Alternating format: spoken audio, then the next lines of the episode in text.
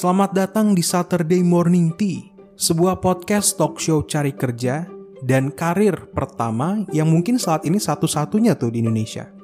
Di setiap episode, ada satu pencari kerja yang akan berbagi hashtag cerita kerjanya yang berisi masalah dan kegalauan karirnya. Kemudian, di akhir episode, kita akan tahu solusi yang paling tepat. Cerita kerja ini dibahas dalam format konsultasi bersama seorang konsultan rekrutmen profesional, yaitu orang yang jasanya dipakai oleh HRD dan CEO berbagai perusahaan untuk menemukan karyawan baru mereka yang makanannya sehari-hari adalah membantu para pencari kerja untuk membuat CV atau resume supaya peluang panggilan interviewnya bisa lebih besar, melatih mereka menjawab interview, membantu negosiasi gaji ke HRD, dan menemukan karir pan yang tepat. Selamat menikmati. Halo, halo, selamat pagi. Selamat datang kembali di Saturday Morning Tea with me Gilman Amri as your host.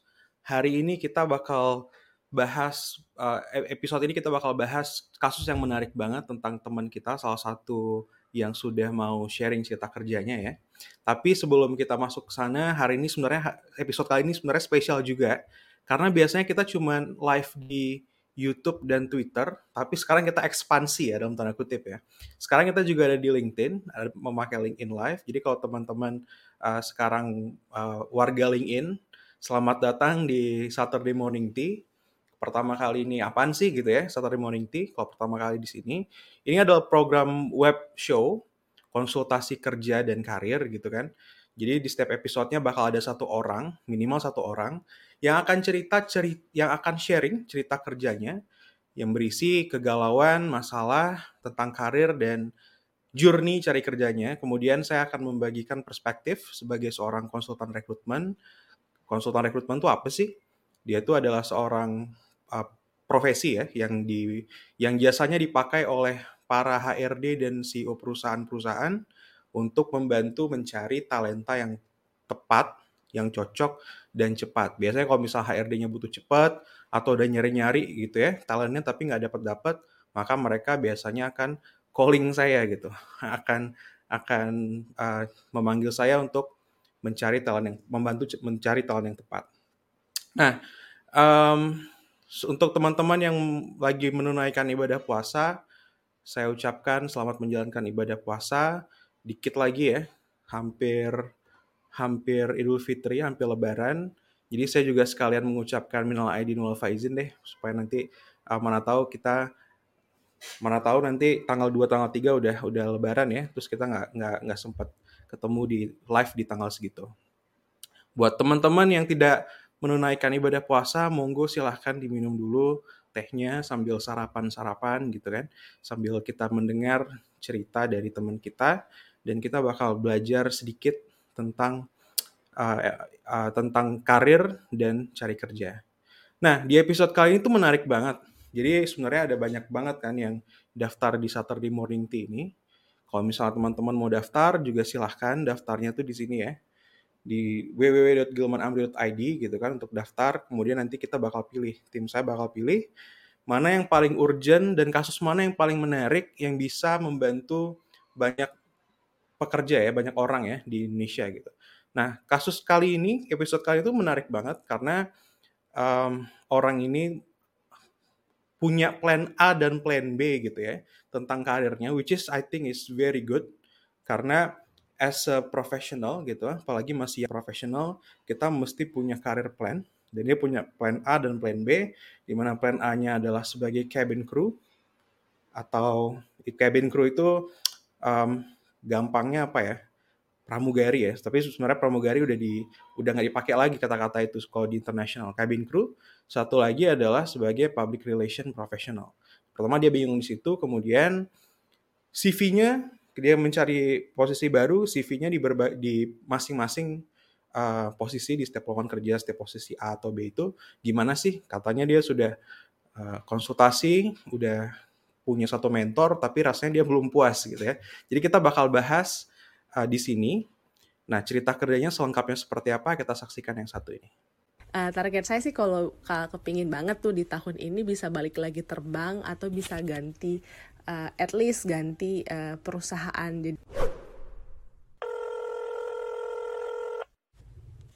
Assalamualaikum, halo, perkenalkan nama saya uh, Siti Sarah Sunza. Sudah bekerja dari tahun 2014, uh, awalnya part-time sebagai penyiar di salah satu radio di Banda Aceh.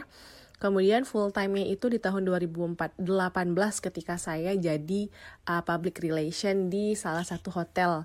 Dan di tahun 2019 saya jadi cabin crew untuk maskapai Eropa yang kebetulan charteran dari Saudi Airlines. Nah setahun kerja di sana, uh, di tahun karena kena pandemi, uh, kemudian saya balik lagi ke Aceh dan bekerja saya sempat menjadi uh, apa ya pekerja lepas untuk Kontras Aceh sebagai staff advokasi dan juga kampanye. Nah, baru full time benar-benar sekali itu di tahun 2021 lagi sampai sekarang menjadi public relation di salah satu hotel di uh, Banda Aceh lagi uh, namanya Hermes Palace Hotel gitu.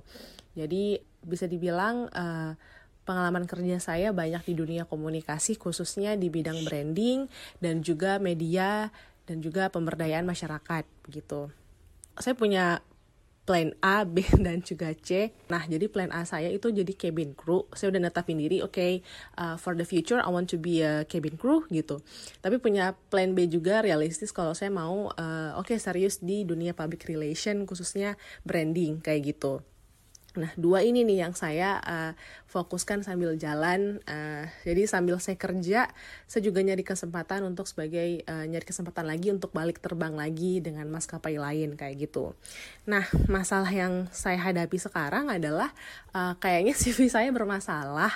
Saya udah coba cari uh, mentor, tapi kata mereka sih kayaknya udah cukup. Tapi saya rasa masih kurang puas karena kalau sekarang apply ke mana-mana semuanya via online, uh, via uh, otomatis CV ya CV yang dicari itu kan ATS dan siapa yang paling kuat nih keyword yang ada di CV-nya itu sendiri. Nah, sama juga kayak cabin crew dan juga pekerjaan lainnya kayak gitu. Nah, uh, apa ya? Uh, jadi saya sering gagal di berkas awal gitu. Uh, bahkan kalau di LinkedIn itu uh, saya uh, CV-nya itu cuman dilihat doang tapi nggak dihubungi gitu. Jadi sedih ya gitu. Jadi uh, target saya sih kalau kepingin banget tuh di tahun ini bisa balik lagi terbang atau bisa ganti uh, at least ganti uh, perusahaan. Jadi uh, memang tujuan saya bisa merantau gitu keluar dari Aceh kayak gitu. Nah pertanyaannya uh, boleh nggak Kak Gilman uh, bantuin saya gitu untuk perbaiki CV saya uh, atau mentoring kalau boleh banget gitu untuk perbaiki CV saya gitu untuk cabin crew ini dan untuk kalau untuk public relation kayak gimana gitu untuk ngebentuk CV-nya karena kan beda profesi nih kayak gitu.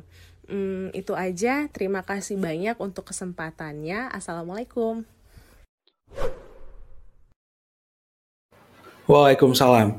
So that is that's quite interesting, right? Sangat-sangat menarik. Kita hadirkan sekarang nih udah ada bersama tim Saturday Morning Tea, Sarah. Halo Sarah. Halo Mas Gilman, selamat pagi. Pagi, that is a very interesting case. Dan thank you for sharing your cerita kerja ya. Semoga bisa memberi inspirasi sama teman-teman yang lain bisa belajar juga nih.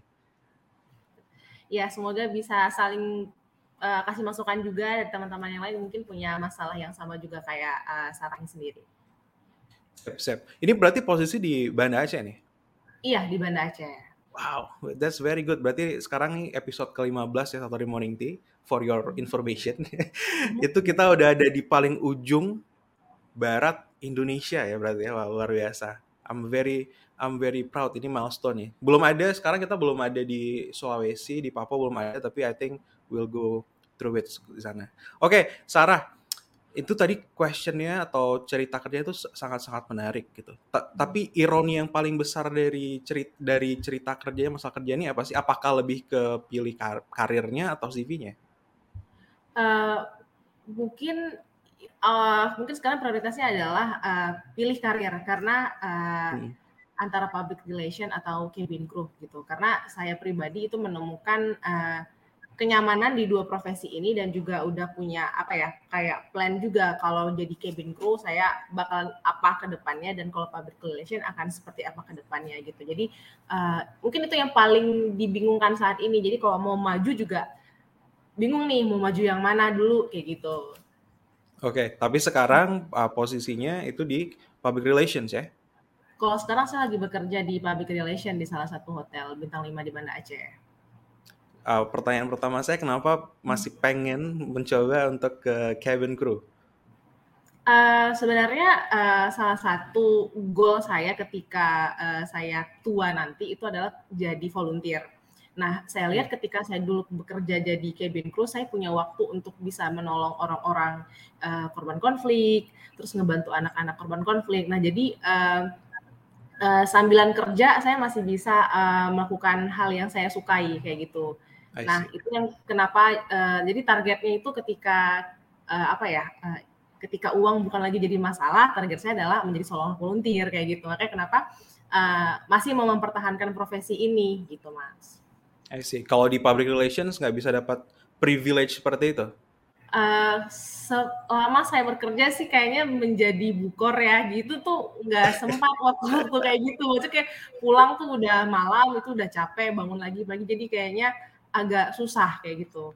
Udah jadi budak korporat ya. Iya Oke, okay. paling kalau bisa pun cuma paling di weekend gitu kan itu pun weekend um, itu juga bukan untuk, hal yang terlalu serius kayak gitu. I see, I see. Oke, okay, hmm. oke. Okay. So you you have uh, apa ya vision gitu kan punya mimpi kalau misalnya pengen kontribusi lebih ke society ya through volunteering. Hmm. Kemudian you think that the option of being a cabin crew itu bisa membuat uh, mimpi itu tercapai gitu lebih mudah ya. Iya. Oke, okay. so I think that's good dan kita nggak pernah tahu juga sih kita bakal jadi apa ke depannya. Tapi kan setidaknya kita punya plan kan. You you have a good framework I think. Kenapa? Karena most of people itu bahkan nggak tahu mereka mau jadi apa dan bahkan mereka nggak tahu mau mau mau coba yang mana dulu gitu kan. Karena kita nggak pernah tahu sebelum kita coba tapi setidaknya kita punya framework supaya kita nggak coba yang aneh-aneh gitu. Maksudnya coba yang yang terlalu broad terlalu liar gitu kan tanda kutip. Kemudian uh, uh, our goal itu nggak kecapai. So oke okay, uh, you have one public relation and yang kedua um, cabin crew gitu ya. Berarti sekarang prioritasnya pasti cabin crew kan kalau dengar yeah. cerita tadi. Kemudian hmm. kedua public relations. Oke okay, no problem menurut saya pribadi harus tetap dicoba sih cabin crew ini selama pertama karena because of your uh, explanation karena pertama um, the opportunity is still there gitu kan. Maksudnya peluangnya masih ada. Secara kualifikasi Sarah nih nggak ada kayak batasan waktu kapan maksimal harus apply gitu kan. Nggak ada ya kalau bisa apply untuk terus. Uh, kalau untuk di maskapai Indonesia itu batas usianya sampai 28 tahun. Itu yang okay. uh, perusahaan yang lambang singa. Nah, tapi kalau misalnya yang di luar, misalnya kayak di Middle East itu bisa sampai 35 35 tahun. Oke, okay, so I think mm -hmm. uh, the span masih banyak ya, masih ada span year banyak ya. Oke. Okay. Mm -hmm. Kemudian yang kedua karena you you already have jobs, I think I think it doesn't it doesn't really affecting karena kan biasanya orang akan mencari pekerjaan dulu tapi you have already the job. So kita bakal bahas nanti. Um, kalau menurut saya pertama kesimpulannya adalah mm -hmm. you you still pursue the cabin crew uh, jobs gitu ya. Kemudian uh, meanwhile kayak public relations sebenarnya udah udah oke okay sih secara secara secara strategi. Karena yang penting jangan sampai nanti pursuing di cabin crew gitu kan, tapi nggak hmm. nggak nggak nggak bekerja itu I think it's a it, it's quite a big mistake kalau misalnya. Tapi kan sekarang nggak, which is which is which is fine and good gitu. So um, berarti udah pernah um, bekerja sebagai cabin crew satu tahun ya tadi di Iya, udah pernah. Boleh dong diceritain gimana tuh ceritanya? Uh, proses rekrutmennya bisa sampai masuk sana. Oke, uh, itu tuh awal apply tahun 2018 akhir. Waktu itu saya lagi bekerja juga jadi PR. Uh, mereka itu pakai sistem online juga, di mana kita drop CV di situ sama foto. Uh, dan di awal bulan di, di awal tahun 2021 kalau nggak salah tuh di Januari akhir dihubungi untuk interview di Jakarta itu di Hotel Kempinski Nah, di situ di interview, uh, sebelum interview itu ada penyaringan lagi karena kan uh, banyak tuh cabin crew yang uh, calon-calon uh, apa uh, kandidat yang daftar. Nah, di uh, di assessment dulu kayak ada English test uh, dan writing testnya juga. Okay. Di situ disaring yang diambil tuh cuman berapa ya? Sekitar tujuh orang. Tujuh orang dan dari situ kemudian uh, baru interview. Nah, proses interviewnya sendiri uh, sekitar karena uh, one on one interview jadi prosesnya mungkin agak sedikit lama saya waktu sempat sekitar 45 menit interviewnya sama si hmm. usernya ini sendiri gitu. Baru setelah itu uh, seminggu kemudian eh enggak sebulan kemudian baru diumumin kalau uh, kita lulus apa enggak. Karena kan memang mereka punya waktu timeline yang panjang. Karena sekitar uh, seminggu itu untuk uh, proses rekrutmen mereka. Jadi kan lebih banyak kandidat yang disaring kayak gitu.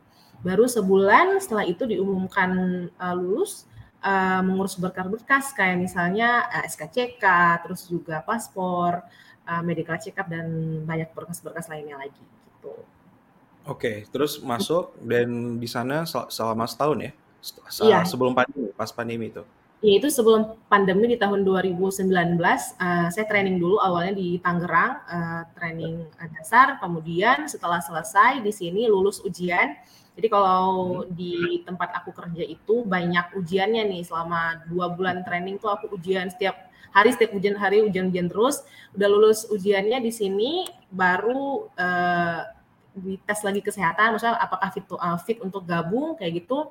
Baru kemudian terbang ke Jeddah. Di Jeddah itu ada training lagi untuk uh, kayak uh, safety sama juga kayak emergency prosedurnya di sana kayak gitu semuanya training baru uh, setelah itu dinyatakan kalau lulus uh, bisa fit to fly kayak gitu. Wow, it's hmm. a it's a quite long proses ya. udah udah lolos pun ada training lagi dan ada tes lagi ya. Ada tes lagi. Yes yes. I, I think it's a good experience ya untuk untuk mm -hmm. untuk jadi model kembang apa lanjutin lagi ke cabin crew proses. Wow, nice nice nice. This is you are a you are a good talent dari Aceh nih dari ujung barat Indonesia nih. Alhamdulillah. Kalau waktu itu satu-satunya sih, kebanyakan teman-teman dari Pulau Jawa semua. Wow, nice, very nice, hmm. very nice. That's very very nice. Oke, okay, sekarang you want to apply for another uh, opportunities di di cabin crew. Apa hmm. kendalanya?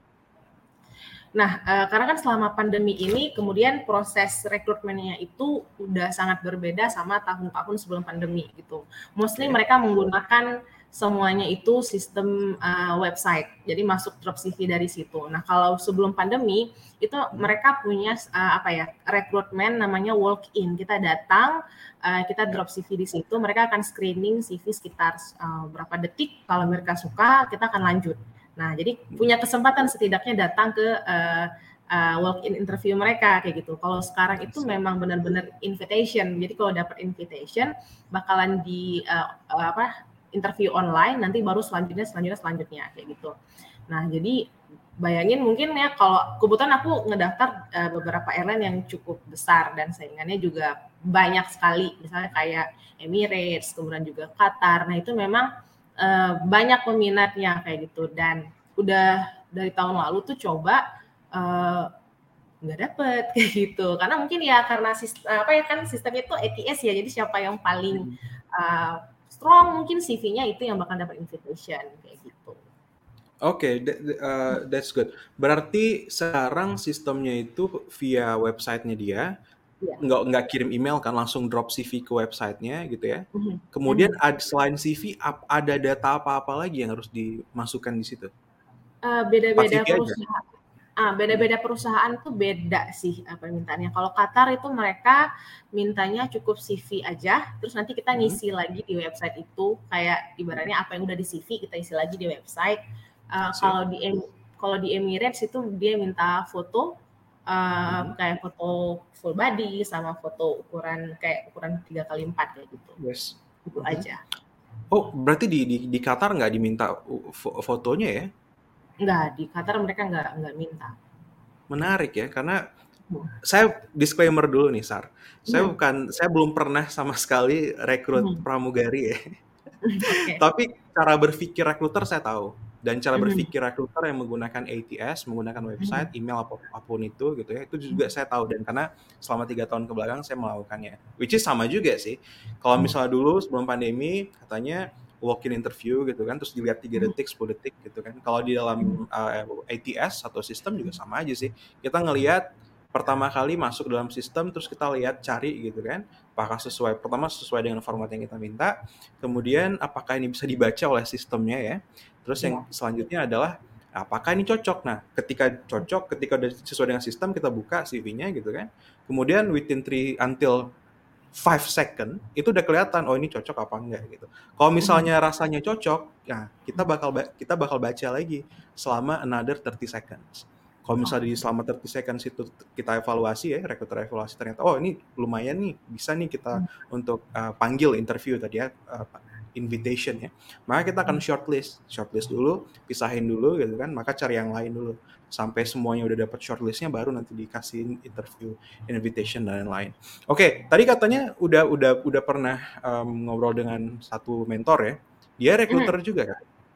Bukan, jadi kebetulan mentorku ini kayak uh, orang yang lebih tua, tapi kemudian uh, dia punya pengalaman bekerja di banyak perusahaan bagus dan uh, sering direkrut kayak gitu. Jadi uh, kayak udah paham dunia CV-CV juga gitu. Jadi aku coba coba tanya gitu kan Mbak, boleh ma, tolong review uh, CV-ku nggak kayak gitu. Nah, ada beberapa kayak satu dua kali revisi, uh, tapi kayaknya kok kayak kayak kurang kayak gitu, kayak kayak, kayak kurang full nih gitu CV-nya gitu.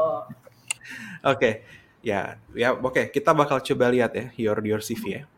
Oke. Nah, kemarin em, Sarah udah kasih dua CV ya. CV pertama itu untuk cabin crew, CV yang kedua untuk public relation. Oke, kita coba lihat dulu. Kita tampilkan CV-nya. Bener ya ini ya. Hmm, ini yang untuk ini yang untuk ini bukan? Yang untuk benar ya? Cabin crew. cabin crew.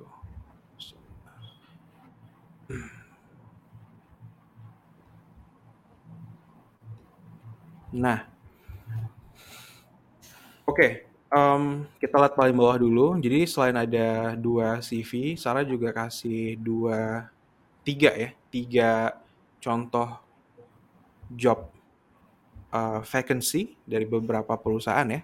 Ini dari Qatar harusnya ya. Oke. Iya. Um, basically kalau misalnya kita um, sebagai job seeker, saya selalu menyarankan satu CV ya, satu resume untuk satu job vacancy. Kenapa? Karena uh, as you know juga gitu kan, you have been already become a flight uh, cabin crew di satu perusahaan dan biasanya satu perusahaan dengan perusahaan lain itu mempunyai karakteristik requirement beda-beda ya nggak sih? Saya nggak tahu juga nih. Tapi yang sedengar-dengar saya nih dari rekruter-rekruter yang lain di sana di maskapai, katanya kalau misalnya di beberapa airlines itu dari segi make up-nya gitu kan, make up-nya beda tuh. Misalnya matanya tuh harus, I don't know, I, I never do make up or that kind of things. Tapi kayak kalau misalnya di Timur Tengah misalnya matanya tuh harus big bold eyes gitu kan. Tapi kalau Iya. misalnya di um, Asian Airlines gitu yang ada di Asia itu lebih ke sharp sama apa gitu. Saya saya kurang paham juga. But I think you already know that gitu kan. Begitu juga itu hal simple dari make up apalagi dengan qualificationnya juga gitu kan. Dan itu bakal ke reflect dari your resume atau CV gitu. So kita lihat, kita coba bedah satu-satu. Pertama di sini nih, minimum ini yang udah pernah dicoba ke- tapi belum belum dipanggil ya, betul ya? Iya. Kita lihat. Minimum age 21 years, average 212 cm on tiptoes. Ini mereka ada kasih kasih semacam field di dalam website untuk kasih tahu ber- berapa untuk kita bisa isi berapa kita udah berapa tahun kemudian average-nya nggak? Eh, untuk usianya, Usia dan average ini Iya, nggak ada ya? kalau di kalau di Ambridge itu sebenarnya waktu walk in interview ketahuannya sih kayak gitu. Oh, oke oke Mhm. oke oke. Kalau misalnya kita taruh di dalam proses rekrutmen, misalnya di dalam di website nggak diminta, tapi kalau misalnya uh, kita bisa taruh itu di CV, up- do you think it will be beneficial for them gitu supaya lebih meyakinkan? Eh, kalau saya pernah tes sih naro eh, apa ya tinggi badan sama berat badan. Nah, Mhm.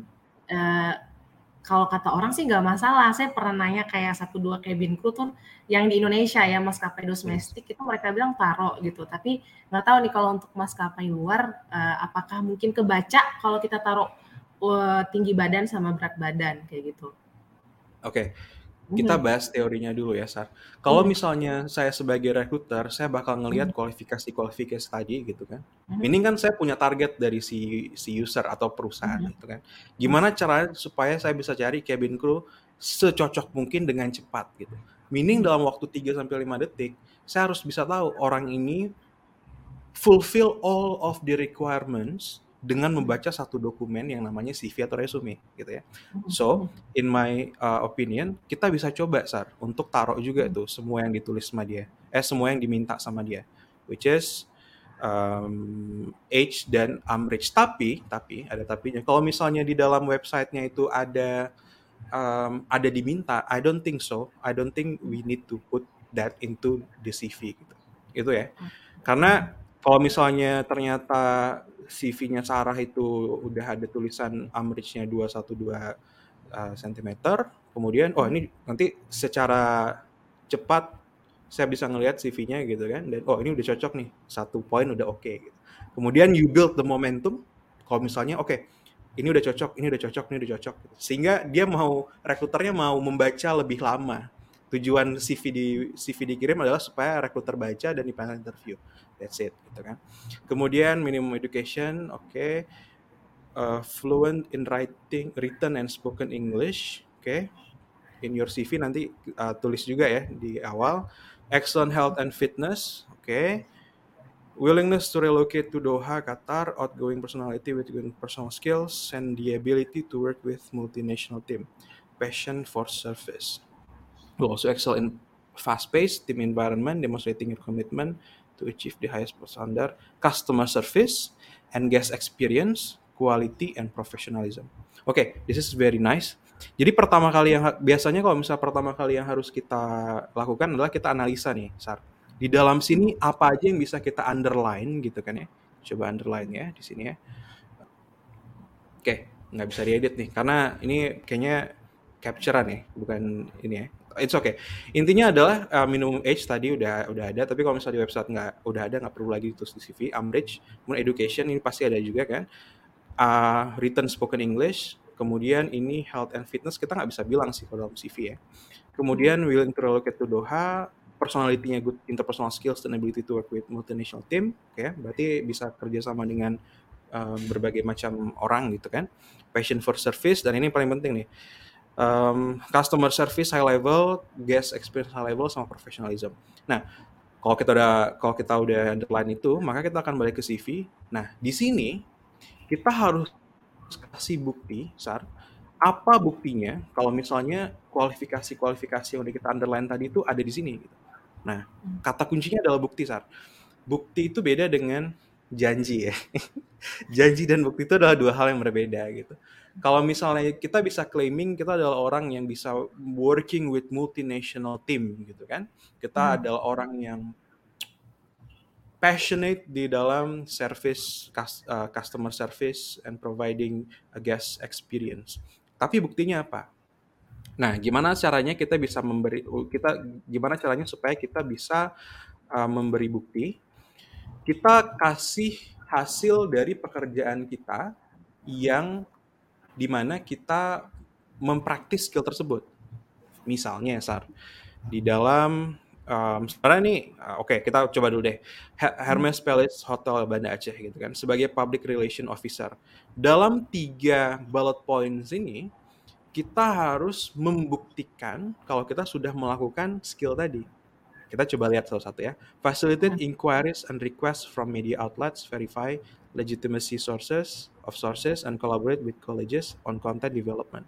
Dari sini apa yang bisa dibuktikan, skill apa yang bisa dibuktikan atau tadi ya, kualifikasi apa yang bisa dibuktikan atau bisa diwakili dari satu satu uh, statement ini kalau menurut Sarah?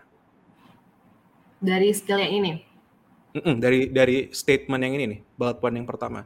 Skill apa uh, statement ini membuktikan kalau Sarah itu sudah mempraktis skill apa? Oke, uh, apakah uh, kalau dari sini tuh aku pahamnya ya, itu Hmm. uh, kayak kolaborasi dengan media dan juga uh, departemen lain atau lebih tepatnya dari departemen sales itu untuk ngebentuk uh, apa ya konten dari uh, si promo si hotel ini sendiri gitu. Yes, exactly. Hmm. So kita agak ubah sedikit nih, Sar, uh. Kata-katanya ya supaya lebih Hmm. nangkep di recruiter. Sa- Tadi balik lagi ke awal, your qualification, the qualification dari dari posisi ini adalah salah satunya bekerja dengan multinational team. Intinya Hmm. adalah di sini nggak ada multinational team kan, tapi ada orang yang berbeda backgroundnya kan. So Hmm. kita ubah di sini, Sar. Um, misalnya collaborate atau hmm, communicate gitu kan, with Hmm. berapa banyak media outlets, berapa Hmm. banyak uh, tim sales gitu kan, dan lain-lain sehingga menghasilkan promo yang hasilnya kayak gimana promonya dampaknya apa dari promo tersebut? Apakah bisa meningkatkan, I don't know, um, occupancy rate gitu kan? Kalau di hotel ya, occupancy rate selama bulan Ramadan misalnya kayak gitu. Oke. So kalau misalnya dianalisa dari apa yang saya bilang tadi, kita kasih langsung directly kasih sesuatu yang mereka minta gitu kan, which is collaboration dari berbagai dari, dengan orang yang berbagai macam backgroundnya. Kemudian hasil dari kolaborasi itu apa dampaknya untuk si perusahaan. Nah itu yang itu yang bisa kita pertajam gitu ya di di dalam sini. So far so good. Apakah ada yang membingungkan dari uh, per- pernyataan saya? Oke, berarti kalau kita uh, menampilkan misalnya kayak hasil dari skill yang kita punya dari hasil pekerjaan kita tadi, itu Hmm. apakah yang paling sukses, apa yang terbaru, atau kayak gimana? Oh saya sih triknya yang ter, yang paling sukses Sar. Oh, yang paling Karena- sukses ya? Iya dong, bener dong paling sukses dong. You want to you want to give them information of the most successful uh, accomplishment gitu. Itu. Oke. Sip. Gitu. So, dimasukkan uh, achievement yang kita dapat di, uh, di skill uh, di uh, apa namanya di penjelasan uh, pekerjaan kita itu sendiri gitu ya? yes, bener banget, bener banget. Gitu. Oke ya. Kemudian responded to customer requests for product, service, and company information. Nah, kira-kira ini bisa mewakilkan kualifikasi apa yang diminta oleh mereka? Eh, kalau di sini itu skillnya lebih customer service ya karena walaupun aku PR aku juga berhadapan dengan si para tamu di hotel eh, Yes. untuk apa ya menggait mereka supaya loyal nih balik lagi ke hotel kita kayak gitu. Exactly. That's a very Hmm. good. That's a very good answer. Kalau gitu kita coba ubah dikit ya. Kita coba pertajam dikit. Berarti di dalam bullet point ini Sarah pengen mem- memberikan kesan kalau you already practicing gitu kan di Hmm. customer service uh, dan experience-nya.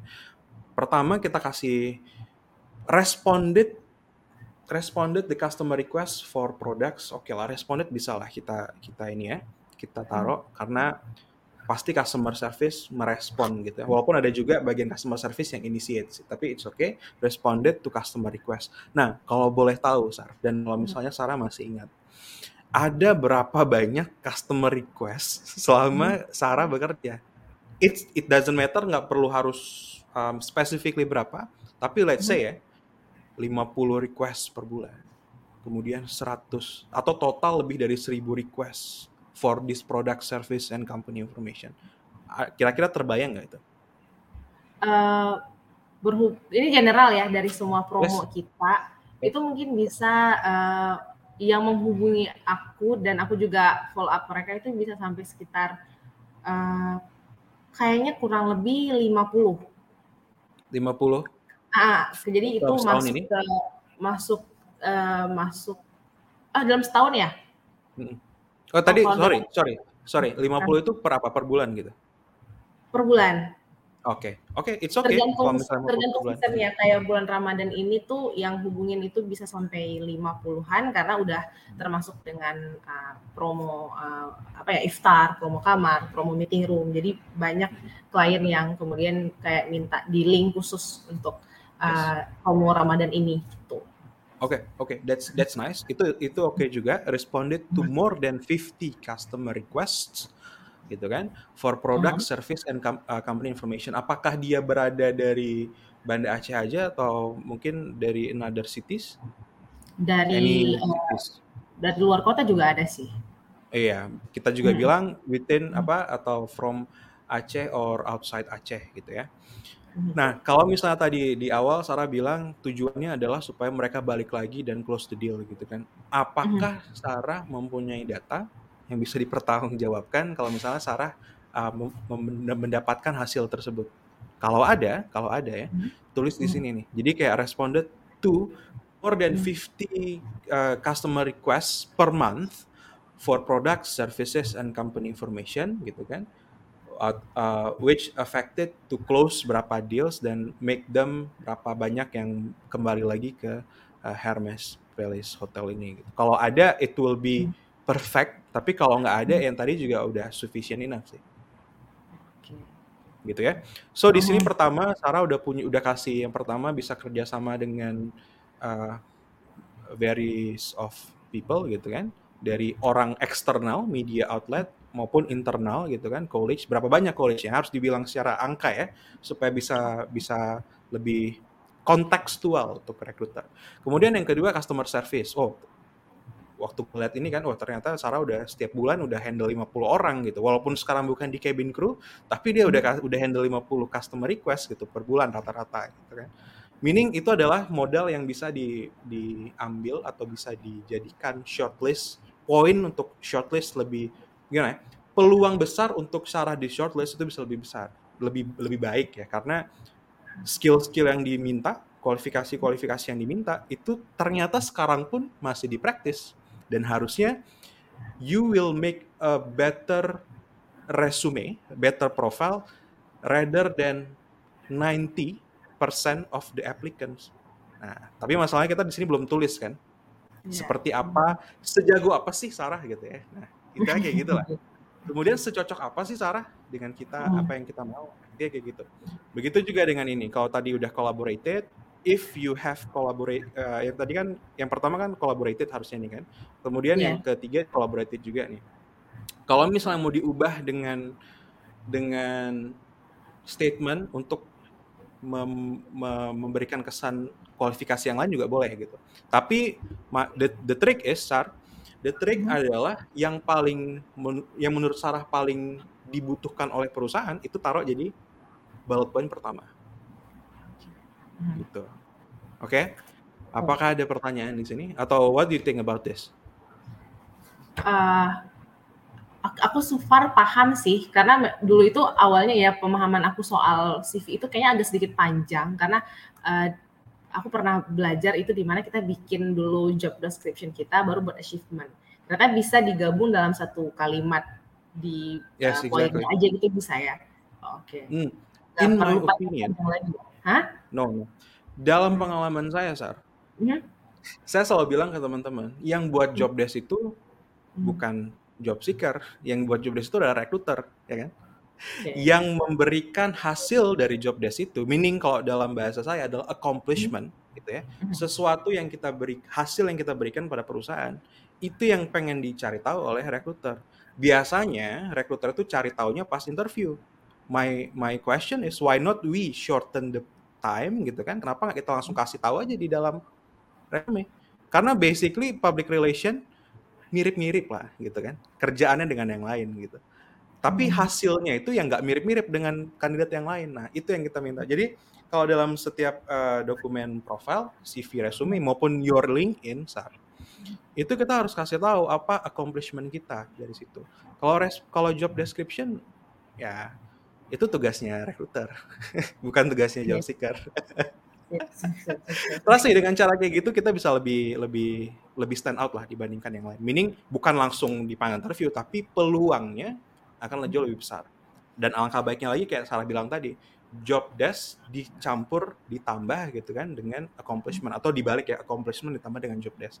Jadi dari accomplishment pun recruiter tahu oh job desknya ini gitu. I think that's a smart way to write the CV. Oke ya?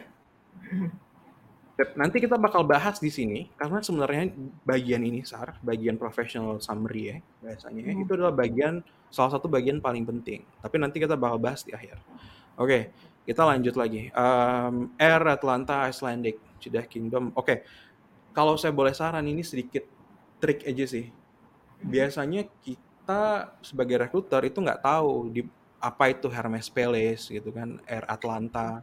But, but you you explain a little bit of uh, Air Atlanta, At- Atlanta di sini ya adalah providing bla bla bla segala macam. Begitu juga dengan Kiryat Muraya Hotel Aceh. Jadi my point is kalau misalnya mau itu di switch Sar. Hermes Palace Hotel Banda Aceh di switch dengan public relation officer. So posisinya yang di highlight rather than di company dibandingkan perusahaannya gitu. Kenapa? Karena kalau per- kalau perusahaan kalau misalnya posisi rekruter tuh lebih familiar saat oh public relations gitu kan. Di mana? Oh di Hermes Palace gitu kan.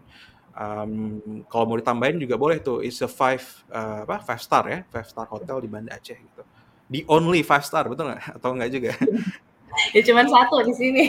Cuma satu ya. Ya. iya. bilang aja gitu. Berarti kan kalau kita kasih kesan di only five star hotel di Banda Aceh, meaning kayak oh yang masuk sini bukan sembarangan gitu kan. Bisa jadi kesannya kayak gitu. Jadi dari your CV, resume ini gitu kan, you make a good first impression yang membuat mereka tuh kasih poin-poin terus sehingga peluang top shot lebih besar gitu. Intinya itu. Jadi intinya di, diubah ya, dibalik ya. Kecuali di sini uh, Sarah itu kerjanya pertama di Garuda Indonesia gitu. Kemudian di di mana gitu di Singapore Airlines. Nah, itu mereka udah tahu tuh. Tapi kalau misalnya kayak Hermes Palace, they don't know about that gitu kan. Kiryat Merus segala macam. Itu ya diubah ya. Oke, next. Verified aircraft passengers bla bla bla. Oke, I think ini udah udah udah cukup oke sih, Sar. Kenapa? In overall karena karena ya itu itunya mereka gitu kan.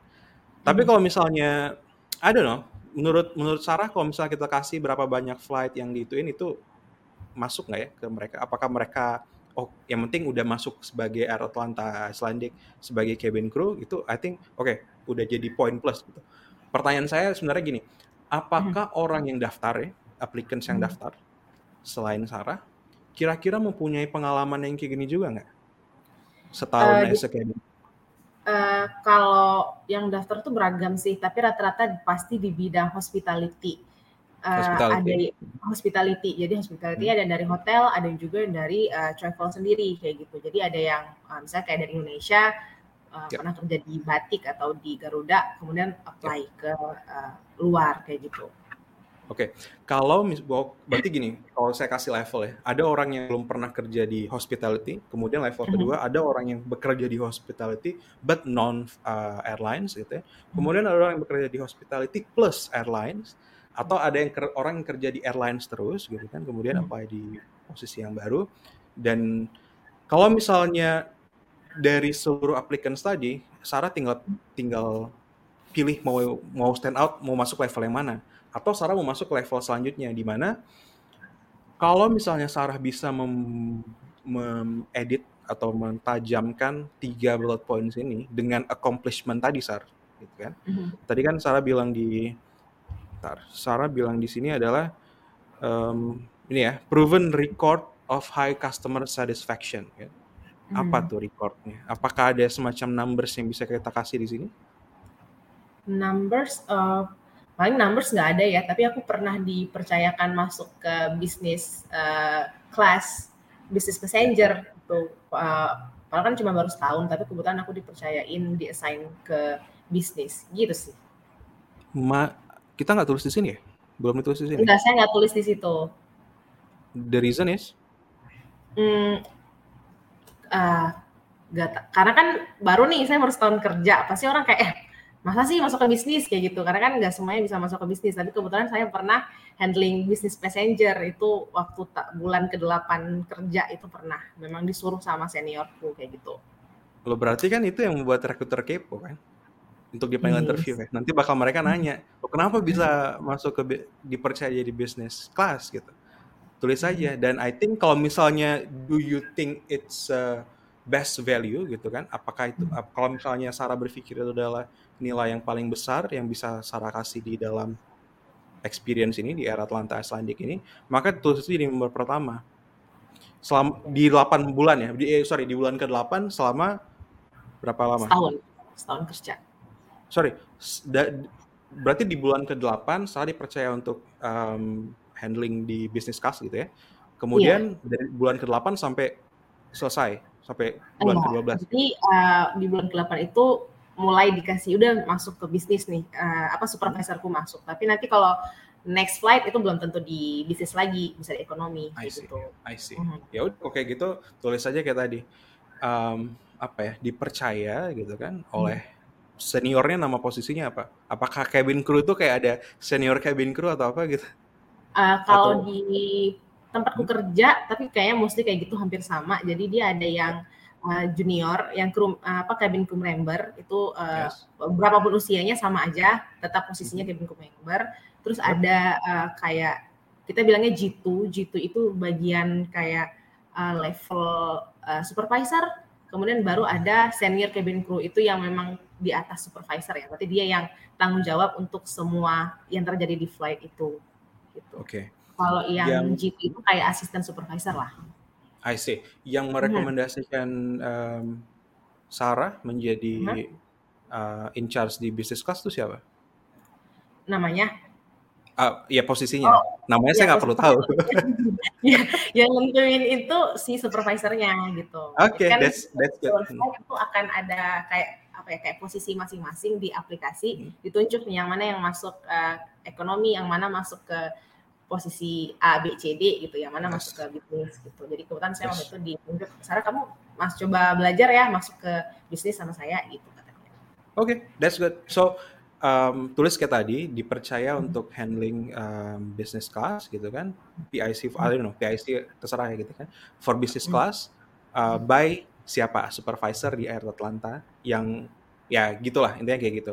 Kalau misalnya tadi kalau uh, kalau misalnya tadi saya coba gali kalau misalnya ternyata selama berapa flight dikasih gitu kan, I think itu lebih hmm. bagus. Tapi kalau misalnya do you think it's not really good ditaruh dalam CV ya nggak usah. Yang penting kayak tadi aja udah cukup sih. Dan itu jadikan pertama Sar. Karena kan balik lagi ya, kalau kita kasih level stand outnya, Sarah nih okay. apa yang membedakan Sarah dibandingkan another applicant gitu. I think itu bisa jadi salah satu salah satu bukti kalau misalnya Sarah tadi ya uh, punya hmm. high level customer satisfaction, kemudian dianalisa sama supervisor gitu kan, kemudian hmm. supervisor mempercayakan Sarah untuk handling that business class. Karena kan harusnya nggak sembarangan dong orang yang bisa cabin crew yang bisa handling cabin, uh, business class ya. Iya, sebenarnya kalau di airline lain tuh ada kayak apa ya uh, evaluasi lagi sih untuk bisa masuk ke bisnis gitu. Oke, okay, that's why. Uh, that, that's that's why itu bisa jadi very good point di sini. Mm-hmm. I think need you must Sarah untuk taruh itu di sini. Dan kita bakal taruh itu di professional summary ya. Oke, okay, selain itu ada lagi nggak bukti kalau misalnya Sarah bisa memprovide a proven record of customer satisfaction selain itu? Kalau nggak ada juga it's okay. Uh, kayaknya aku nggak terlalu terlalu ingat sih, tapi mostly memang karena flightku itu haji dan umrah khusus untuk yes. itu jadi aku handling banyak orang yang rentan sih sebenarnya. Okay. Dan alhamdulillah sih selama aku bekerja sebagai cabin crew itu uh, maksudnya aku bisa handling orang-orang yang rentan kayak orang tua kayak gitu. Aku nggak tahu apakah harus bisa disebutkan di CV, tapi itu sih uh, pokoknya salah satu yang apa ya? Uh, kalau mungkin yang membedakan aku dengan cabin crew yang lain karena aku khusus haji dan umroh yang isinya adalah orang-orang tua kayak gitu. Jadi otomatis aku lebih apa ya lebih peka sama si uh, si passengernya gitu. Sure. Mm-hmm. Ini my logic ya. Mm-hmm. Uh, you judge apakah benar atau enggak ya, atau kita mhm. evaluate. Mm-hmm. Kalau misalnya mm-hmm. di dalam sebagai cabin crew, kita mm-hmm. harus terus dilatih untuk being compassion ya, be, selalu mm-hmm. peka dan mm-hmm. harusnya itu bukan mereka minta duluan, tapi kita tahu mm-hmm. nih kira-kira dia minta apa, kita dia butuh apa ya nggak sih sebagai yeah, customer misalnya sebagai service kayak harusnya kayak gitu kan. Iya. Nah, ketika kita melayani orang yang lebih senior ya, lebih tua, hmm. mereka kan permintaannya lebih banyak dong. Yeah. I don't know ya. Bener ya? Yeah, Logikanya sih kayak gitu ya. Hmm. Nah, my question, my next question, apakah mereka pernah komplain dengan pelayanan yang diberikan oleh Sarah? uh, selama bekerja sih untuk pelayanan alhamdulillah belum pernah komplain. Paling komplainnya masalah teknisi yang kayak yep. misalnya kayak delay, nah itu yang di luar yep. uh, kontrol ya. Gitu. Hmm. Yeah. So kenapa enggak kita tulis zero complaint from okay. elderly passengers that I hmm. serve gitu. atau accomplish atau um, ya gitu ya mendapatkan zero complaint dari um, passengers yang semuanya itu elderly atau sebagian besar elderly. Hmm. Kalau misalnya sebagian besar bilang aja sebagian besar dari passengers itu adalah uh, senior citizens gitu kan. Ya. Dalam tanda kurung 50 tahun ke atas. Nah, kalau misalnya kita kasih bukti seperti itu, Sar, rekruter akan pikir kesannya adalah oke, okay, ya kayak tadi tuh logikanya. Elderly itu needy ya. needy yeah. mempunyai uh, lebih banyak uh, request dibandingkan orang-orang uh, yang lebih muda. Kemudian you you you provide the service dan ternyata hmm. zero complaint. Wow, I need to interview this person. Balik ya. Tujuan buat CV adalah supaya di panel interview. Jadi yeah. kita kasih hal-hal kayak tadi supaya mereka kepo. Hm, kok bisa sih gitu kan? Sehingga hmm. you you are you are being called gitu for the interview. What do you think Sar dengan hal yang kayak gitu? Uh, aku rasa emang harus ditaruh sih. Jadi maksudnya karena kan kalau kayak tugas pramugari itu semuanya sama ya, kayak safety and security and service gitu. Uh, yang membedakan kayak gimana ya kalau kata eh, seniorku itu salah satu yang bikin uh, perusahaanku ini cabin crew-nya kuat karena memang passengernya itu memang uh, demanding, banyak demanding. Jadi memang harus kayak kuat hati gitu. Beda mungkin sama orang lain yang maksudnya beda ya maksudnya kayak kalau uh, apa ya ada beberapa airline kan dia uh, ekonominya menengah ke atas, otomatis levelnya itu lebih beda dengan yang aku hadapi di pekerjaanku selama setahun kemarin gitu. Yes, yes. Sempat kepikiran okay. sih, maksudnya kayaknya tuh kerasa kepingin bilang nih kalau bisa bilang frontal ke HRD itu kalau bisa ngerekrut, Pak saya ini lulusannya dari Atlanta yang memang udah tahan banting lah gitu. Kepingin bilang tuh di CV kayak gimana cara bilangnya ibaratnya tuh professionally gitu nggak mungkin kan dibilang pak tahan banting kan nggak mungkin tapi dengan dengan cara tadi kita bisa kasih kesan kayak gitu ya hmm, oke okay. Oke, okay, sure. Hmm. Sure, eh, yes. Itu juga apa yang saya bilang tadi juga mengkonfirmasi kalau misalnya di dalam CV atau profile ini ya, kita nggak hmm. tulis nggak tulis ini nggak tulis job desk kan tugasnya rekruter tuh gitu kan. Karena balik lagi kayak salah bilang tadi tugasnya cabin crew ya mirip-mirip lah semuanya. Verified aircraft passenger bla bla tapi apa accomplishmentnya gitu kan? What makes you different? Dan itu ditaruh di sini. Kemudian pas di interview nanti you explain it well gitu di sana. Gitu ya? Okay. nah kalau misalnya ada lagi yang kayak tadi ini nggak mungkin satu-satu nih Sar. Kok nggak bisa sampai yeah. zuhur gitu. Benar, benar, jadi kalau jadi frameworknya, kerangka berpikirnya hmm. seperti itu. Once you get the right framework, you can do whatever you want gitu kan di dalam sini dan peluangnya pasti lebih besar ya. Oke kita lanjut. Di sini juga um, basically sama ya. Setiap hmm. frameworknya sama, si setiap uh, bullet point itu merepresentasikan skill apa. Kemudian taruh angka, insert angka, numbers karena itu bisa memberikan konteks sejago apa sih profile ini gitu ya. Kemudian I think it's good udah selesai education level oke okay, Sheffield University Bachelor Degree Communication Science oke okay, good GPA scholarship awardee feminister oke okay. scholarship awardee ini dari berapa banyak peserta kemudian peserta peser, pendaftar ya pendaftar scholarship hmm. kemudian ada berapa banyak scholarship awardee yang diterima uh, aku nggak ingat uh, ya sih tapi itu tuh di fakultas tuh memang rame yang daftar karena memang beasiswa dari Kemenda apa sih Kementerian Riset Bapak. Nah, itu uh, untuk mahasiswa yang berprestasi gitu. Jadi Oke. Okay. Uh, eh, ya lebih lebih dari seribu orang yang daftar? Lebih dari 500 orang? Lebih dari Kalau, 100 orang? Aku nggak terlalu ingat sih Mas untuk uh, berapa angkanya ya, tapi memang di aku lah di ya. Jadi tuh sevisit tuh pasti daftar rata-rata ya udah kalau gitu kalau misalnya mau mau list gitu karena baik lagi ya Sar kita nggak pernah tahu scholarship awardee di setiap kampus itu kayak gimana competitiveness levelnya if you write the context the number gitu kan ternyata di tahun itu awardee yang diterima adalah let's say 10 dari 100 applicants. Berarti you are the top 10%, 10% kan? Oke. Gitu. Intinya itu sih. Konteksnya yang kita ta- yang kita pengen cari. Jadi angka is your friend, numbers is your good friends kalau dalam resume. Semakin kita bisa memberikan konteks dengan angka, semakin profil ini, profilnya Sarah akan dipandang sebagai apa ya, lebih bagus dibanding yang lain. Bukan lebih bagus, lebih stand out lah, gitu ya. Hmm. Uh, another things co-curricular activity Ikatan Du- Duta Wisata Aceh Besar, Public Relations, Organizing Events, Including Press Conference. Nah, uh, ini sama juga basically ya, Sar, kayak tadi. Hmm. Dari satu bullet point ini, accomplishment-nya apa? Kemudian skill apa yang direpresentasikan dari qualification tadi. Jadi yang kita tulis sudah strategik. AJAR, Asia Justice and Rights Fellowship. Ini di dibalik aja, Sar. Ini kan lebih Oh, iya. recent ya. Hmm. Januari 2021 sampai Juni 2020. Ini kebalik ya maksudnya? Ya kebalik ya. Sir. Oh, oke oke. Diubah ya ntar ya. Invited to NGOs to conduct anti-violence campaign against women and provide psychoeducation to 10 women in Aceh Besar. Oke, hasilnya apa? Apakah mereka lebih apa? Lebih apa? Oh, Sarah sering ikut NGO ya? Berarti tahu Iya. dong output sama outcome-nya kan? Karena di NGO pasti harus ada itu kan. Tulis tuh eh, output dan outcome-nya apa. Kalau ini output invited to NGOs, 10 women in Aceh Besar, tapi outcome-nya apa gitu. Berhasil nggak mencapai outcome? Kalau berhasil tulis, kalau enggak ya outputnya bisa lah. Itu juga dengan ikatan duta ya. Ini duata apa duta? Emang Duta. duta namanya? Oh, duta salah. typo lagi. Minimalisir typo ya. Hmm, Oke. Oke, training and licenses.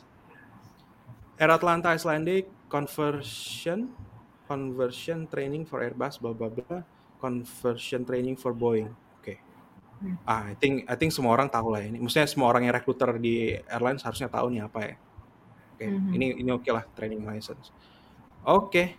Nah, satu lagi Sar, tambahin aja di bagian bawah gitu kan. Kalau misalnya masih muat, itu your skills.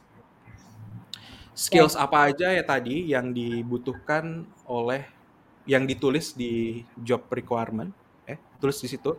Nggak usah pakai level, nggak usah pakai bintang kayak ojol ya, nggak usah. Tulis aja communication, kemudian empathy, kemudian apa tadi good under pressure, kemudian customer service. Tulis aja pokoknya compassion kayak tadi ya, empathy Hmm. dan lain-lain. Yang yang pers- pertama harus ada kata kuncinya harus ada di dalam job vacancy gitu ya, job requirement tadi. Kemudian tambahin lagi yang menurut Sarah tuh memang cocok di dalam airlines yang tidak ada di dalam job vacancy tadi.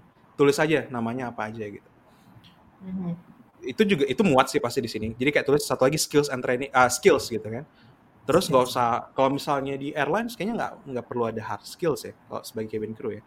Soft skills semua ya. Tapi maybe I'm wrong. Soft skills. soft skills semua. Oke, jadi tulis aja skills, kemudian tulis aja semua skillsnya Ap- apa, koma, apa, koma, apa, koma, apa, koma, apa. Jadi secara ATS pun nanti bisa, uh, bisa keywordnya bisa lebih lebih lebih lebih match gitu ya. Oke, so Oh. itu. Jadi kalau misalnya pun nggak pakai ATS, sebenarnya recruiter juga punya ATS-nya sendiri. ATS itu di, di- dibuat supaya su- supaya ada ribuan applicants, kemudian Mhm. ribuan itu menjadi ratusan atau jadi puluhan. Jadi yang udah pasti nggak cocok dihapus. Tapi kalau misalnya di dalam air, airlines recruitment ini ternyata saya ada ratusan applicants, kemudian masuk ke dalam sistem ATS tadi gitu ya. Pertama harus masuk dulu dalam ATS, harus bisa dibaca oleh ATS sistemnya. Kemudian re- recruiter juga punya ATS sendiri, punya selection methodnya sendiri. Kayak tadi, selectionnya apakah orang ini cocok secara kualifikasi, cocok secara personality gitu kan. Kemudian Hmm. cocok secara nanti uh, culture. Karena culture, I don't know, kalau di perusahaan ya, perusahaan swasta, Hmm. culture setiap perusahaan itu bakal beda. Maybe di airline juga gitu, mungkin di Garuda beda dengan di Lion misalnya gitu kan. Kalau di customer sih beda ya. Tapi kalau di tim, I don't know. Oke, kita ke balik ke sini paling penting. Ini udah oke. Hmm. Eh, ini isinya adalah kontak ya, kontak number, kemudian Hmm. um, LinkedIn sama tulisannya Banda Aceh Aceh. I think that's good. Hmm. Udah cukup, nggak usah bla Nah, professional summary. Sar, kalau misalnya saya sebagai recruiter nih kan, saya ngelihat Hmm. nih. Yang pertama saya lihat pasti your detail kayak gini ya. Kemudian tadi ya, kalau misalnya mau ditambah, sorry, balik lagi kalau misalnya ditambahin kayak berat badan tinggi dan itu Mhm. Ambridge itu juga boleh di sini gitu kan. Kalau misalnya tidak ada di website di dalam sini. Mhm. Oke. Hmm. Ah, balik lagi, kalau misalnya sebagai saya sebagai recruiter yang bakal dilihat pertama kali adalah di bagian ini nih, section ini. Mhm. Setelah lihat your um, appearance gitu kan. Kalau di dalam kalau di gini, tidak di semua posisi itu membutuhkan uh, foto. Tapi kalau di bagian service, apalagi cabin Mhm. crew itu sangat butuh. Dan kalau Mhm. misalnya you want to make the the possibility gitu kan, the peluang yang lebih besar, maka nanti I don't know, mungkin diubah cara uh, sesuai diubah cara make upnya sesuai dengan airlines-nya gitu. Tapi if you want to make a really really commitment, big commitment gitu kan, ah, saya nggak tahu sih kayak gimana Hmm. harusnya setiap itu. Tapi kayak tadi kan, setahu saya kalau misalnya airlines-nya di bagian di wilayah ini kayak gini make up-nya ini kayak gimana. Saya nggak tahu, saya bukan expert di make up. I never do make up. Nah, balik lagi nih sini. Professional Ah. experience. Professional experience ini kalau kita bilang experience flight attendant passionate about customer service and safety with more than one year of cabin crew experience gitu kan. Mhm. Itu basically hal yang sama tapi terlalu panjang. Jadi apa ya? Mubazir kita bilang kayak gini Sar. Dan ini claiming tidak ada bukti. Balik lagi ke percakapan kita di awal tadi ya. You Mhm. need to give them proof rather than claims. gitu. Show, don't tell. Nah kalau kayak gini kita bisa jadi telling. Meaning apa? Bukan berarti ini hitam, hitam putih ya, benar atau salah ya. Tapi Hmm. practicality-nya gini, setiap orang hampir semua dari applicants bilang juga kayak gini. gitu. What makes you different? Ya kan? So it is telling dan showing. Kita ubah, kita ubah, uh, kita tajamkan lagi dengan apa? Dengan bukti-bukti tadi. Apa buktinya kalau Sarah adalah um, ya pertama kita harus tulis dulu sih uh, experience um, one one year uh, cabin crew di tulis aja langsung Air Atlanta. Oke. Kalau misalnya untuk re- rekruter yang udah tahu culture di Air Atla- Air Atlanta itu as you said itu adalah tahan banting, maka itu jadi Hmm. poin plus kan? Oke. Ya, jadi Hmm. itu bisa jadi memperbesar peluang dong. Mhm. Ya. Next yang kedua, passionate about creating exceptional passenger service with a proven record of high customer satisfaction. Nah, buktinya apa? Gitu. Kasih Hmm. buktinya kayak tadi, serving elderly with zero complaint in one uh, do apa within apa selama during uh, one year gitu. Kalau misalnya orang yang nangkep, oh elderly lebih banyak needy, kemudian bla.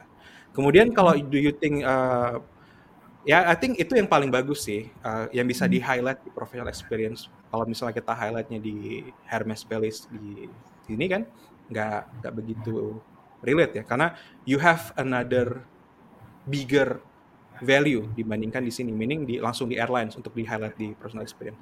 Sarah juga bilang selam Sarah ini udah bekerja di berapa udah bekerja berapa lama? Itu jadi jadi pertama harusnya sini. Experience I don't know four year ya? Berapa tahun Sarah bekerja? Lima tahun? Total, total total bekerja? Yes. Berarti 2018 ya? Du- eh, empat tahun ya? 18 an. Ya. Oke, empat tahun di hospitality industry. Oke. oke. Habis itu koma gitu kan? One year as a cabin crew in Air Atlanta terus kok, kok titik? Serving business class gitu kan? Mhm. koma with zero complaints. Uh, tadi apa serving uh, elder, uh, mostly elderly uh, passengers gitu. Wah kayak gitu sar. Kalau misalnya kayak gitu I don't know I have a funny feeling sar. Kalau misalnya your profile itu bakal stand out banget. Oke. Jadi pas pas rekruter ngelihat di sini pertama kali Hmm. buset udah nih gue shortlist atau setidaknya buset nih ini pasti gue baca lagi sampai bawah gitu so dari pertama kali kita rekruter baca their eyes pasti menuju ke sini you Hmm. already make a big statement yang bisa membuat mereka kepo lagi gitu kemudian mereka akan Hmm. lihat oh ternyata di hotel hospitality kan kemudian di Hmm. Air Atlanta us keren nih accomplishmentnya oh ternyata di hospitality lagi nih di sini. Oh bagus nih accomplishmentnya gitu kan. Wah ternyata dia mahasiswa berprestasi. Wah ternyata dia juga aktif di volunteer gitu. Sehingga compassionate uh, skillnya dilatih di sana. Oh skillnya punya ini ini ini. Dan dia punya training yang lebih yang nggak semua orang mungkin atau applicants bisa kan. So your profile will be sorted sebagai orang yang shortlist. Gitu. Any question? Enggak sih, dari aku udah cukup paham. Cukup jelas ya? Cukup jelas. Oke, silahkan dicoba, Sar. Mhm. Um, semua tips-tipsnya. Kalau misalnya ada yang lupa gitu kan atau yang nggak tercatat, silahkan dilihat lagi video ini gitu kan. Dan bukan cuma hal yang praktikalnya aja yang bisa diubah-ubah, tapi juga mindset-mindsetnya. Kayak misalnya tadi showing don't tell gitu kan. Kemudian one CV for one job vacancy karena itu sangat berpengaruh. Karena kalau kita lihat tadi dari tadi aja tuh ada yang berbeda gitu kan. Qatar sama apa tadi? Emirates ya. Emirates. mhm. Iya, ada yang berbeda tuh dua halnya. Oke, Coba ya. Oke, kalau misalnya coba saya share screen. Ntar. Kalau misalnya di Emirates, tadi kita belum showing Emirates. Emirates kayak gini ya. Ini Emirates bukan? Bener ya?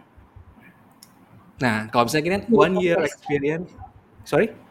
Ya itu Emirates. Emirates ya. One Hmm. plus year experience hospitality customer service desirable dari professional summary-nya aja. Sarah udah kasih Hmm. bil kasih tahu gitu kan udah bilang ini gue udah empat tahun loh Sih.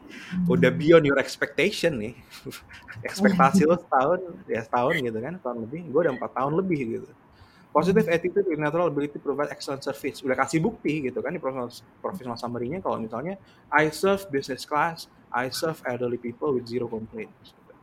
With dealing with people of, from many cultures ya one passenger ada ratusan orang gitu kan. Mhm. kemudian yang dihandle mungkin puluhan orang PIC-nya gitu untuk puluhan orang tersebut dan selama setahun gitu kan. Itu pasti many cultures dan di hotel-hotel lainnya juga ini apa namanya pasti kayak gitu kan segala macamnya segala macamnya juga oke kalau di sini kan ada BMI kan nah Iya. kalau Hmm. misalnya mau BMI ini tulis juga tuh di di uh, bagian atas tadi tuh di bagian apa tadi kontak bukan kontak data Lainnya. gitu ya yes exactly kalau misalnya uh, Sarah itu fit with BMI ini ada rumus-rumusnya gitu kan 25 26 I don't know Iya, Tujuh. ada rumus khususnya sih. yes yes itu gampang lah Hmm. Oke, selanjutnya um, oke kita balik ke sini. Kalau mis ini basically trik sih, nggak mesti harus oke mau tulis apa enggak, tapi tulis di sini terakhir dalam tanda kurung willing to relocate to any country. Atau kalau misalnya mau tulis di Emirates atau di tadi Qatar ya, willing to relocate to Doha. Oke. Itu supaya kayak tadi ya, building momentum ke recruiter kalau misalnya oh ini oke, oh ini oke, ini oke, ini oke. Makin lama makin oke gitu kan, sehingga peluangnya lebih besar gitu. Jadi psikologi recruiter ketika mereview your CV itu seperti itu. Yes, I Hmm. think I think that's all and in my opinion itu dia udah banyak yang harus diubah ya. Hmm, Oke, sip, sip, sip. Eh, eh, kebetulan eh, ada yang mau saya tanyain nih. Eh, Yes. Saya tuh ketika ngelamar di satu perusahaan, saya tuh suka nge-custom CV saya tergantung dari eh, perusahaannya. Misalnya, eh, katakanlah ada perusahaan eh, PR yang saya pernah lamar, kebetulan eh, dia punya logo tuh kayak bulat, terus warnanya eh, purple. Nah, saya tuh suka nyama-nyamain dengan mereka gitu. Jadi apakah ini tuh benefit atau sebenarnya tuh kayaknya nggak penting deh kayak gitu. Karena kata orang sih kalau ATS itu yang kayak sistem tadi, yang kayak putih, udah terus headline, uh, uh, work experience, terus juga uh, education, bla bla bla kayak gitu. Yes. Oke. First of all itu bakal tidak menjadi major Mhm. man- major benefit to your proses, tapi itu akan menjadi meta benefit sesuatu yang tidak obvious tapi kepikiran dan nangkep gitu secara nggak langsung. Kayak misalnya, misalnya Sarah ini kan udah mau Lebaran ya, gitu kan. Mhm. Kemudian beli baju misalnya, beli baju Lebaran kan. Secara kalau kita membeli itu kita nggak pakai rasional sebenarnya. Ada bagian dari otak kita yang irasional yang karena kita udah dicekokin dengan iklan-iklan apa misalnya baju muslimah yang berwarna ini bermerek ini sehingga irrational thinkingnya berpikir gua harus beli baju ini. Tapi kita nggak sadar gitu kita kayak gitu. Begitu juga dengan CV jadi itu bukan hal yang obviously tapi itu hal yang meta ya yang yang yang halus. Nah the next the next uh, thing that I want to share adalah kalau misalnya dia minta di email sar maka dia tidak akan kemungkinan besar tidak akan masuk ke ATS karena kan yang minta email. Jadi mereka Iya. akan lihat bukan dari email. Tapi kalau misalnya di ATS, I think nggak begitu penting sih karena yang paling penting kalau di ATS kan kalau kita ubah-ubah warnanya atau segala Hmm. macamnya kasih shapes apalah gitu ada peluang untuk tidak terbaca bukan pasti nggak terbaca sama sekali ya tapi ada Hmm. peluang untuk tidak terbaca jadi fokusin aja ke hal-hal yang obvious gitu kayak yang tadi tuh hasilnya apa dan lain-lainnya apa gitu Sip. Udah cukup jelas berarti aku. anything else ya kalau misalnya di dalam satu lagi tadi um, you request about the PR position ya basically sama Hmm. sih frameworknya Oke. jadi kita nggak usah go through lagi ya Ya. pakai pakai framework tadi kelamaan Iya. nanti sampai Hmm. asar kita Mhm, jadi pakai framework tadi kemudian Hmm. uh, ubah di uh, PR position so you you have a mission to get out from Banda Aceh this year ya benar tuh tadi Iya, eh, targetku pokoknya dalam enam bulan lah aku udah udah nggak di Banda Aceh lagi lah gitu. why Eh, karena eh, udah lama juga tinggal di sini, tinggal lahir dan besar sekolah di sini, terus juga kerja di sini. Eh, pada dasarnya jadinya nggak berkembang karirnya kayak gitu. Apalagi kebetulan aku kan kerja di PR nih. Kalau untuk posisi PR sendiri, em, untuk perkembangan karir itu di Banda Aceh itu nggak nggak ada. Memang kayak stuck kayak gitu. Bahkan ketika aku ngelamar di perusahaanku sekarang itu si uh, manajerku bilang kamu kayak ibaratnya mati karir kalau di sini. Jadi mending jangan lama-lama nih di kantor ini kayak gitu. Jadi makanya juga aku dari awal kayaknya nggak bisa kan nggak mungkin aku di satu perusahaan itu terus mengabdi. Sebenarnya nggak masalah tapi kalau misalnya tidak ada jenjang karir kan sangat disayangkan kayak gitu. Dan tantangannya itu uh, sudah mulai terbaca polanya gitu. Jadi itu lagi itu lagi itu lagi gitu. Jadi kayaknya makanya kenapa memilih mindah otomatis kan uh, bertemu dengan orang lebih banyak background lebih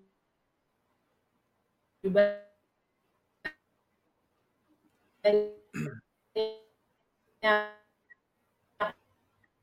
otomatis uh, mengembangkan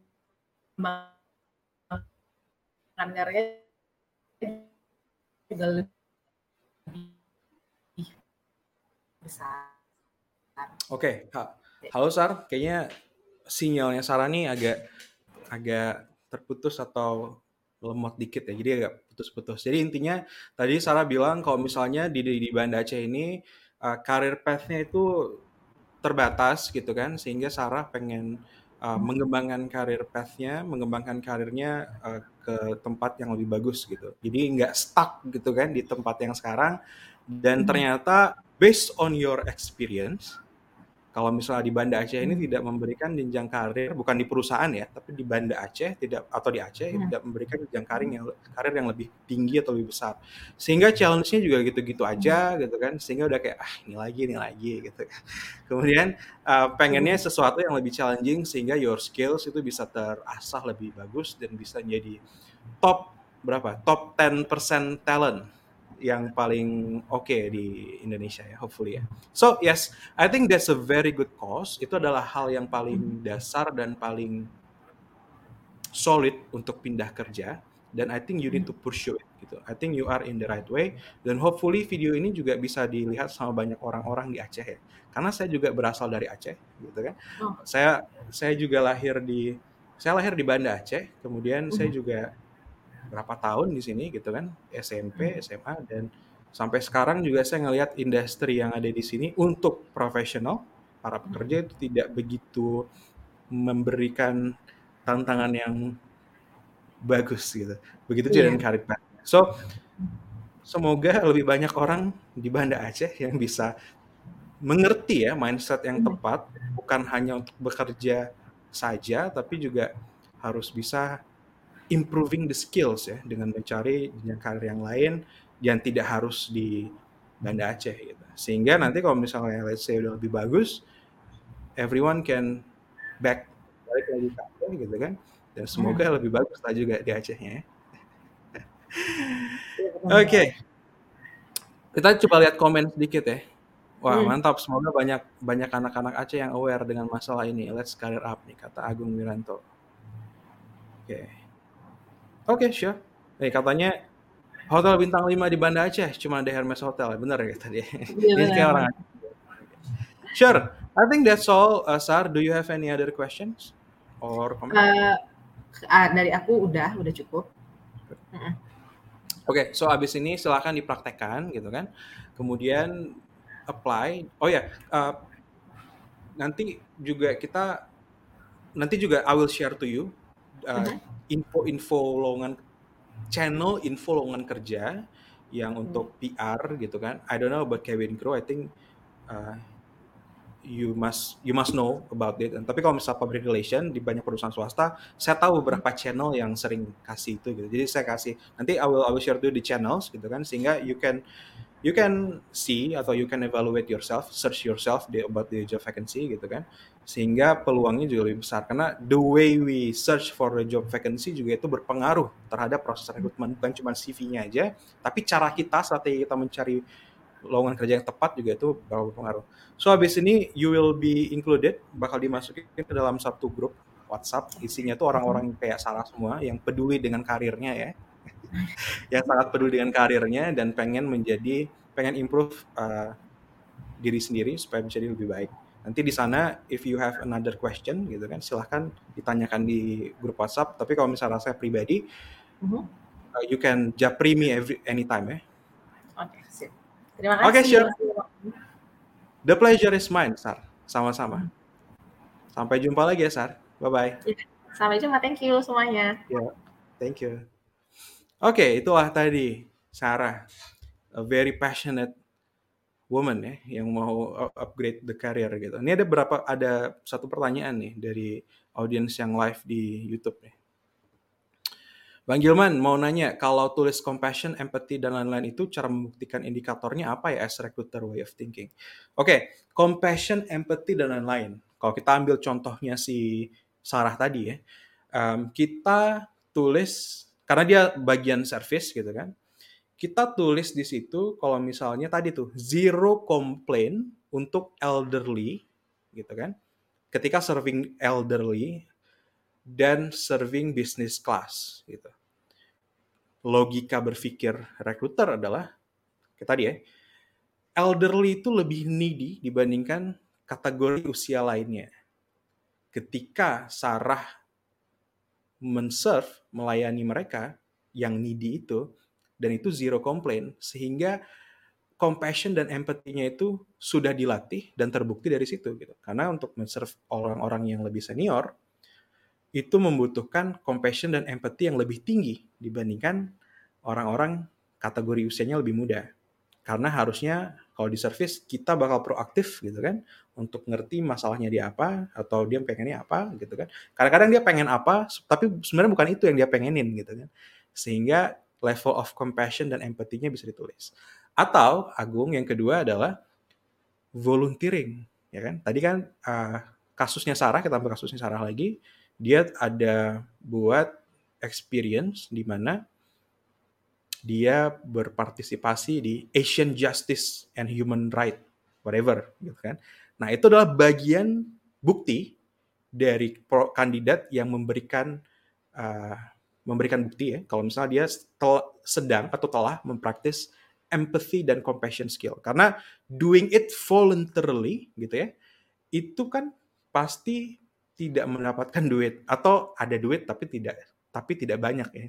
Tidak seperti profesional sehingga yang dicari bukan monetary value, tapi yang dicari adalah hal yang lain. Selain mengembangkan skill untuk diri sendiri, tapi pastinya dia mengembangkan empathy dan compassion yang tadi gitu. So, um, kita kasih seperti itu ya buktinya di dalam CV atau resume. Kemudian jangan lupa juga tulis di skillnya empathy, compassion dan lain-lain. Kalau misalnya di job vacancy-nya dibutuhkan. Semoga menjawab. Agung. Oke, okay, I think that's all, uh, teman-teman. Kalau teman-teman di sini mau seperti Sarah gitu kan, diajak di satu forum konsultasi one on one ya. Di sini silahkan daftar di www.gilmanamri.id gitu kan. Mau konsultasi CV atau konsultasi karir, silahkan. Karena nanti saya akan membagikan perspektif sebagai seorang konsultan rekrutmen, baik lagi ya, orang yang dipakai jasanya oleh HRD dan perusahaan di Indonesia untuk mencari talent yang tepat secara dengan cepat gitu ya. Jadi saya bukan HRD teman-teman, saya adalah recruitment consultant. Fokusnya benar-benar cuma di rekrutmen selama tiga tahun ke belakang, 4 tahun ke belakang. Sudah 10 ribu jam. Nanti saya akan berbagikan perspektif saya dan selama ini sudah banyak sekali orang yang diterima gitu kan. Secara profesional itu value-nya udah lebih dari 3, 3 miliar lebih gitu. Jadi ketika saya menempatkan ke tempat HRD atau CEO mereka membayar jasa saya dan selama ini udah lebih dari 3 miliar gitu. Kemudian selain itu juga saya sering membagikan konten kayak gini ya konten edukasi for free untuk semua orang yang lagi cari kerja membutuhkan kerja itu juga banyak sekali testimoni lebih dari 60 orang yang sudah kasih testimoni thank you Bang Gilman for your insight and support gitu. Perbaiki CV kasih career advice kayak dan lain-lain. So jangan ragu untuk daftar di www.gilmanamri.id ada di sini ya di bawah. Kalau misalnya you have a good case kayak Sarah dan lain-lain itu kita bakal prioritaskan gitu kan tapi kalau misalnya case-nya juga biasa-biasa aja gitu, jangan minder, tulis saja karena who knows kan, siapa yang tahu nanti bakal dipilih gitu ya. Teman-teman kalau misalnya mau lihat uh, kasus-kasus lainnya yang menarik gitu ya di di karir dan cari kerja, cerita kerja, cerita kerja yang lain silahkan scrolling di YouTube saya karena sekarang itu udah sekitar 15-an episode, saya lupa juga ada berapa. Itu kasusnya menarik banget. Ada mulai dari gimana caranya cari kerja di daerah tapi rekruternya nggak punya online gitu. LinkedIn sebelumnya nggak punya. Nah, terus ada juga lagi pandemi waktu itu ya, industrinya lagi down gitu kan. Kemudian gimana cara cari, gimana cara supaya lebih besar peluangnya dibandingkan orang-orang yang lain gitu. Terus banyak banget sih gimana cara masuk NT di perusahaan besar itu di Unilever gitu kan. Kita kita udah bahas uh, satu persatu dan I think it will be beneficial for you untuk lihat dan untuk uh, pelajari. Dan one last thing adalah you are making a big mistake kalau misalnya belum subscribe channel YouTube ini gitu kan atau belum follow Twitter dan LinkedIn ini. Kenapa? Karena di sini saya akan berbagi konten-konten seputar karir dan cari kerja. Nah, punchline-nya adalah cari kerja dan karir itu bukan cuma sekali doang, sekali pakai gitu ya. Tapi you will tapi Anda akan terus memakai ini, Anda akan terus melakukan ini sampai nanti Anda pensiun selama Anda belum pensiun tahun depan atau dalam waktu yang dekat, maka you will need this type of content. Dan konten yang saya bagikan itu bukan generic content, tapi konten-konten yang lebih spesifik, bahkan kayak gini ya, kasus per kasus gitu. Di YouTube setiap Rabu dan Sabtu bakal ada video baru. Di LinkedIn dan Twitter juga hampir setiap hari saya membagikan konten yang baru. Dan Instagram juga tentunya. So, I think that's all. Terima kasih teman-teman sudah menonton video ini sampai habis. Dan sampai jumpa di Saturday Morning Tea minggu depan. Bye-bye. Jadi, gimana? Apa episode ini sudah menjawab masalah karir Anda? Kalau belum, silahkan cek www.gilmanamri.id dan daftarkan diri Anda. Siapa tahu cerita kerja Anda yang akan dipilih untuk episode selanjutnya. Oh ya, satu hal lagi nih. Gimana kalau sekarang kita bagikan channel ini ke teman-teman yang lagi cari kerja atau punya masalah kerja? Siapa tahu mereka terbantu dari konten-konten yang ada di sini. Sama-sama kita memberi manfaat ke lebih banyak orang. Kita plus satu kebaikan hari ini.